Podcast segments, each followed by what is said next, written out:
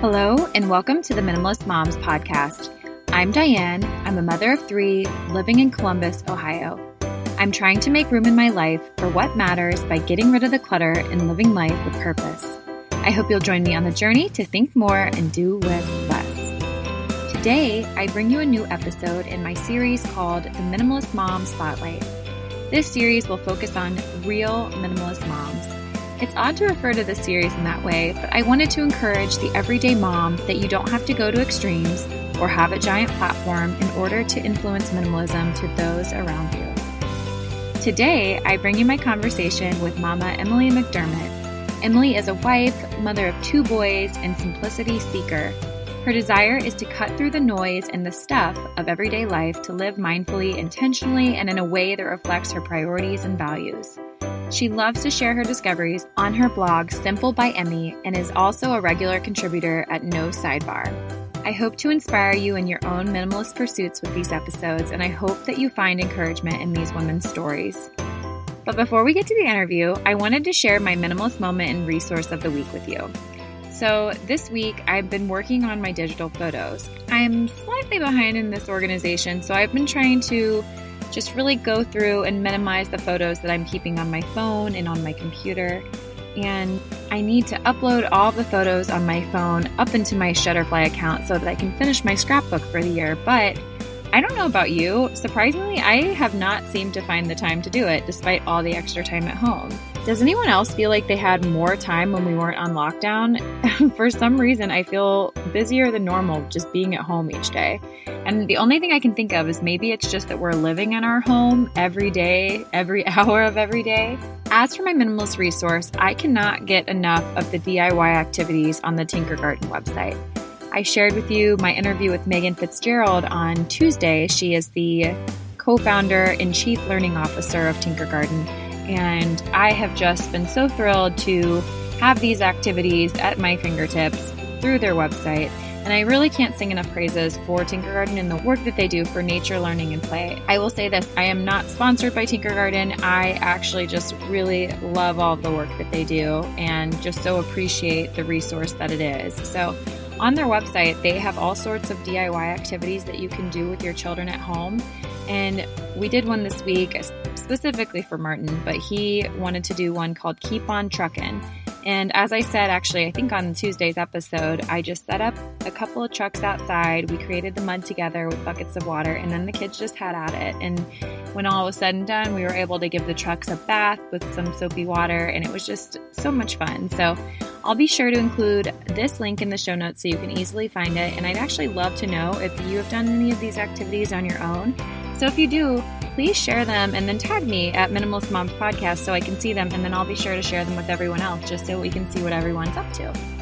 So I think that about wraps it up. I always appreciate your ratings and review on iTunes. That's so helpful, as I have said in the past, that just helps other people find the Minimalist Moms podcast. And I so appreciate your time spent doing that.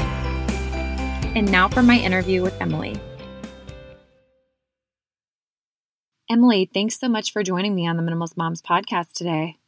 Well, thanks. I'm so glad to be here. Yeah, I look forward to hearing more about your journey into minimalism. But before we get into all of that, can you just tell the listeners of the podcast a little bit more about who you are? Sure. So I'm Emily McDermott, and I am based in Fairfax, Virginia, outside of Washington, D.C. Although currently I am in Pittsburgh, Pennsylvania, staying with family members. And my kids are three and a half and two. I have two boys, and I am a stay at home mom with them. I've been a stay at home mom since my oldest was born. And I would say it is the most fulfilling and the most challenging thing that I've ever done. And I am constantly learning new things every day that I never thought that I would have to learn before. So I um, I do really feel blessed that I'm able to stay home with them. Uh, my husband is in the military, but he's actually permanently stationed in the Virginia area. So we're a military family, but we don't have that experience that we have to move around, which is kind of interesting.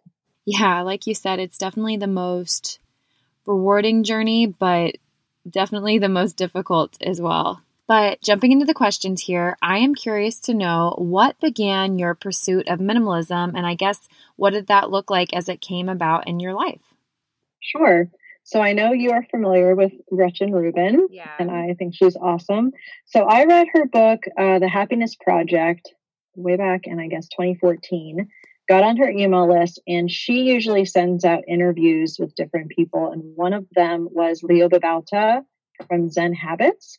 So he had a habits course that I enrolled in at the time and had a bunch of different bonuses. And one of those was Everything That Remains by the Minimalist. So I had never heard of the Minimalist before, had never heard of minimalism. I started reading it, and it just really um, was very uh, resonated with me a lot mm-hmm. because at the time, uh, my husband and I had gone through a miscarriage, and after that, we were having trouble getting pregnant on our own. And I continue to learn about minimalism, about making room, about making emotional space, physical space in my home, just feeling out of control because we were going through infertility treatments and just wanting to make sure I could do everything that I could to remove the excess, remove the things that were overwhelming me, and be able to make space for this baby to come mm-hmm. into our lives. Mm-hmm. So that was kind of the beginning of it for me. And then after my oldest Andrew was born, I started a blog. I've always loved to write, and I started a, bro- a blog called Simple by Emmy. And in the midst of that, while I was simplifying and kind of talking about my journey, uh, we found out that we were pregnant without any intervention. I call it uh, Sean, my our free baby, because we didn't have to go through all of that mm-hmm. um, medical intervention.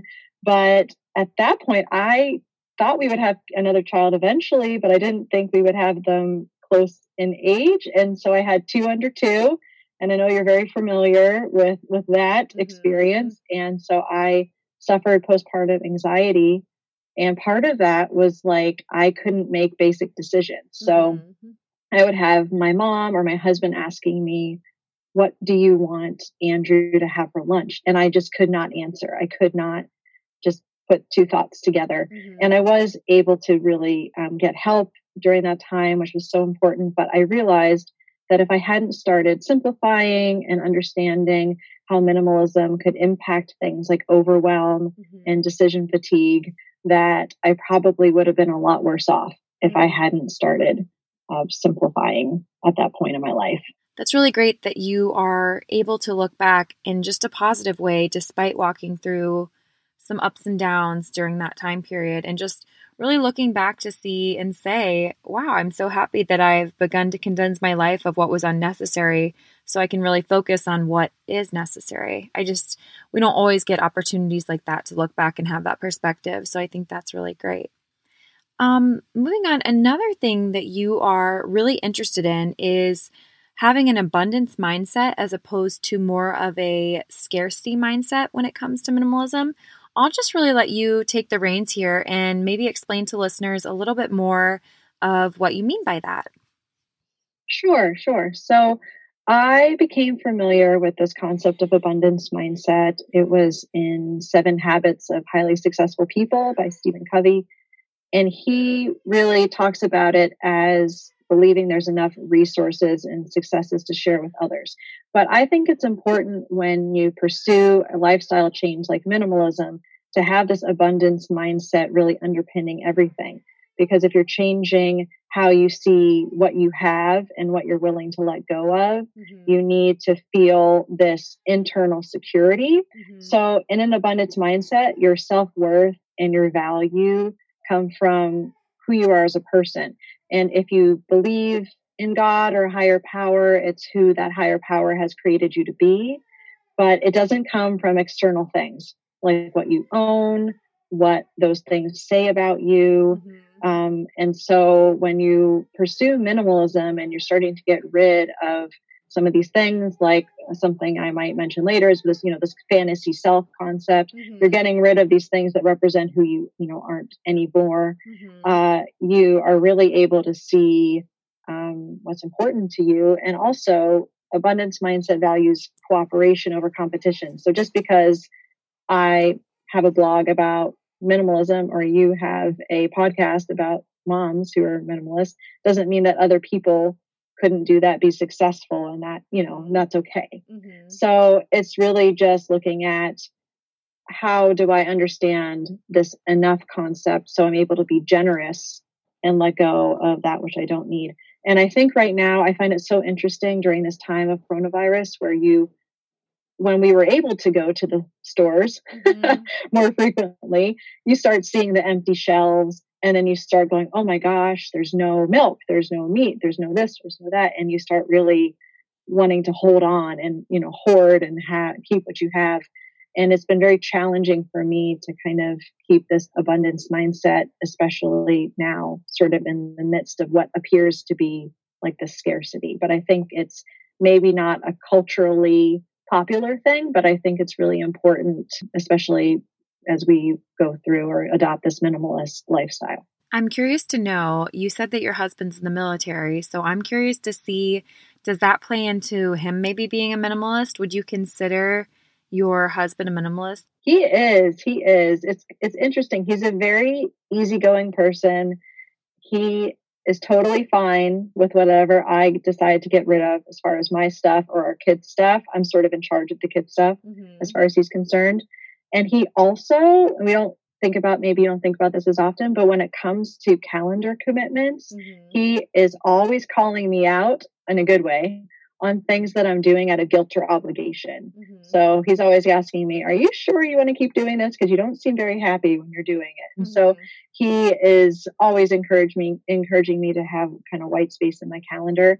Um, he doesn't have a ton of hobbies, so he doesn't collect a lot of stuff. He wears a uniform to work. He doesn't have a lot of clothes, so he's kind of in some ways a minimalist by by default. Yeah. But uh, he definitely has opinions about his own stuff and then the stuff that we share. So he is a questioner from Gretchen Rubin's The Four Tendencies which I'm pretty sure you are as well. So as long as it makes sense to him, mm-hmm. he's okay getting rid of something. I'll say, hey, I'm going to go donate something. If you have anything for me to donate, just let me know. And he's been really good about just letting me know if he has stuff.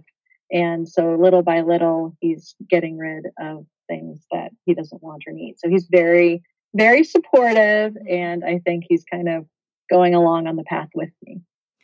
Yeah, I can definitely relate to that. I feel like with my questions, I just have to have justification for things and I just have to get as many questions answered until I can just find justification for something and then I'm good to go. So I can really relate to your husband in that way. Um, what would you say that your proudest moment has been when it comes to minimalism?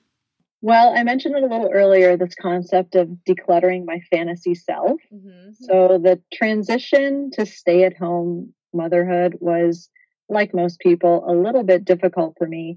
Uh, prior to that, when I was working, I loved dresses. Mm-hmm. I would buy lots and lots of dresses and wear them to work.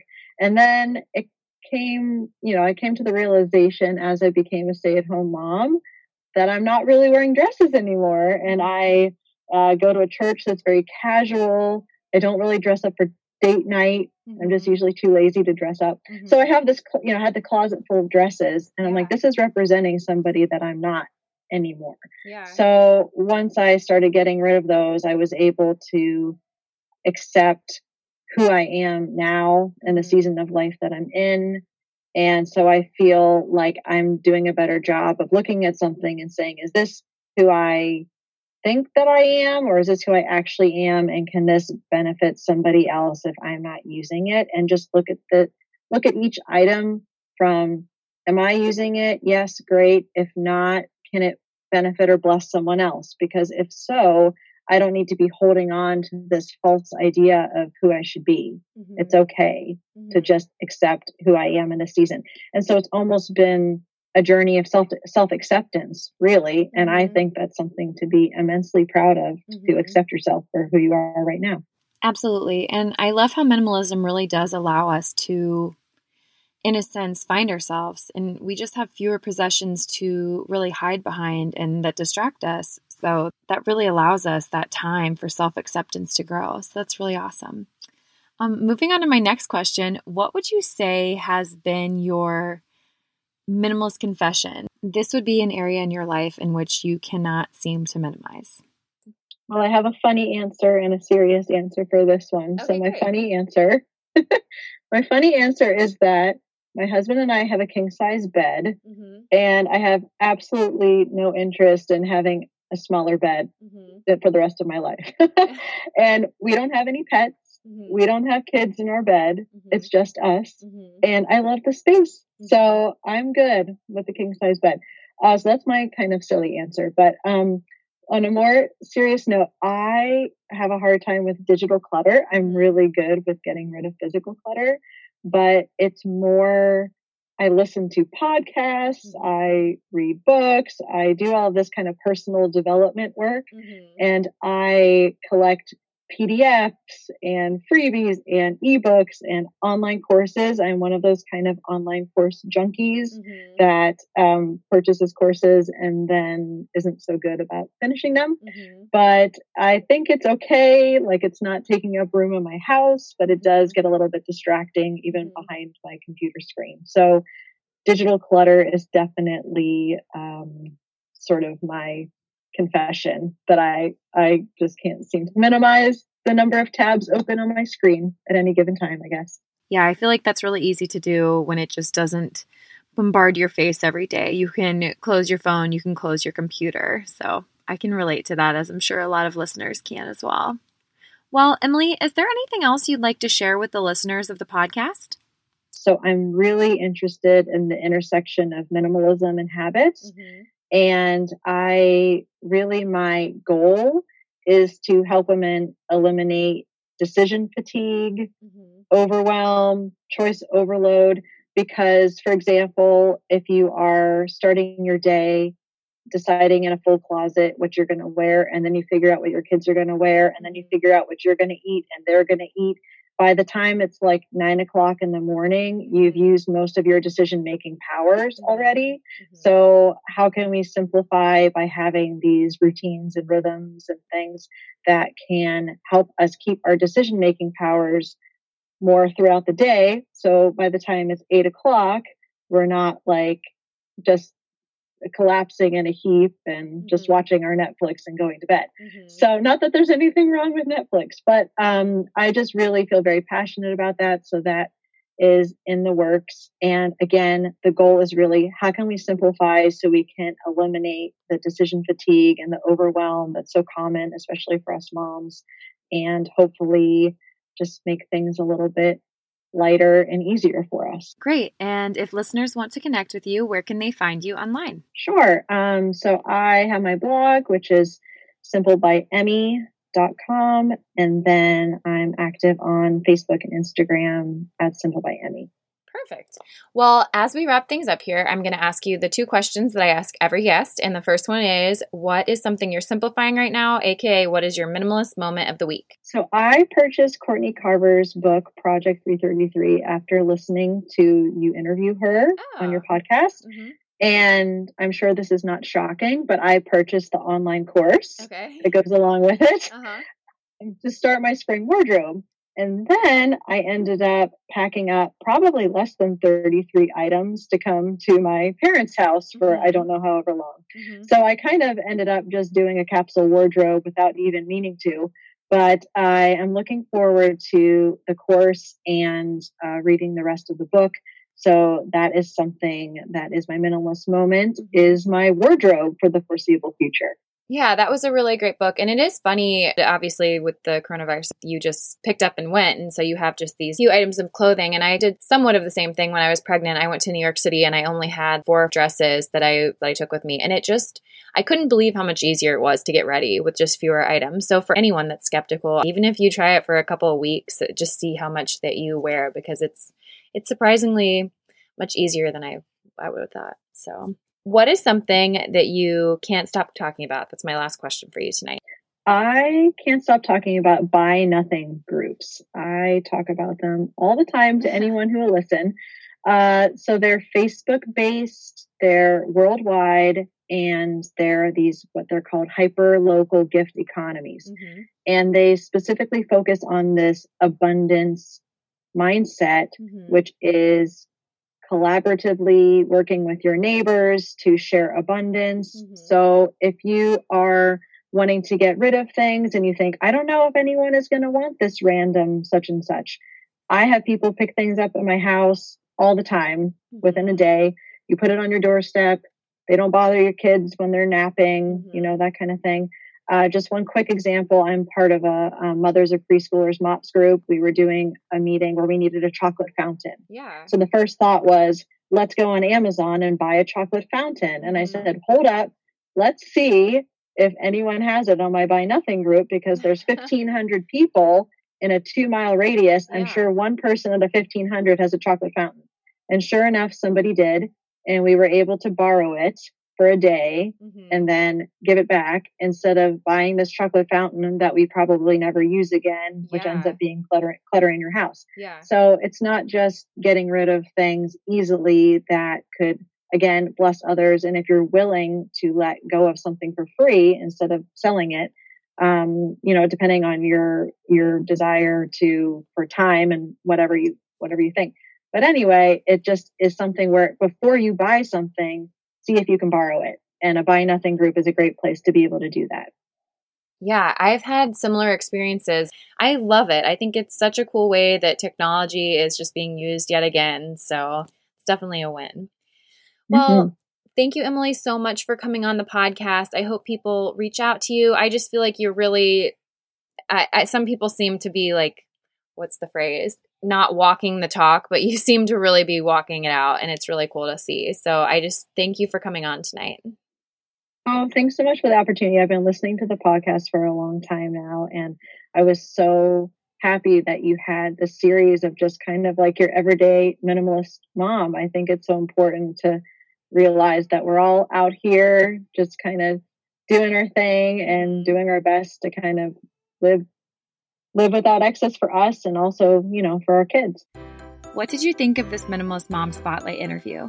I hope that you found some inspiration in Emily's story, and if you or someone you know would be interested in being a guest on the show, send me a message via email or Instagram. I wish you a lovely week as you think more and do with less.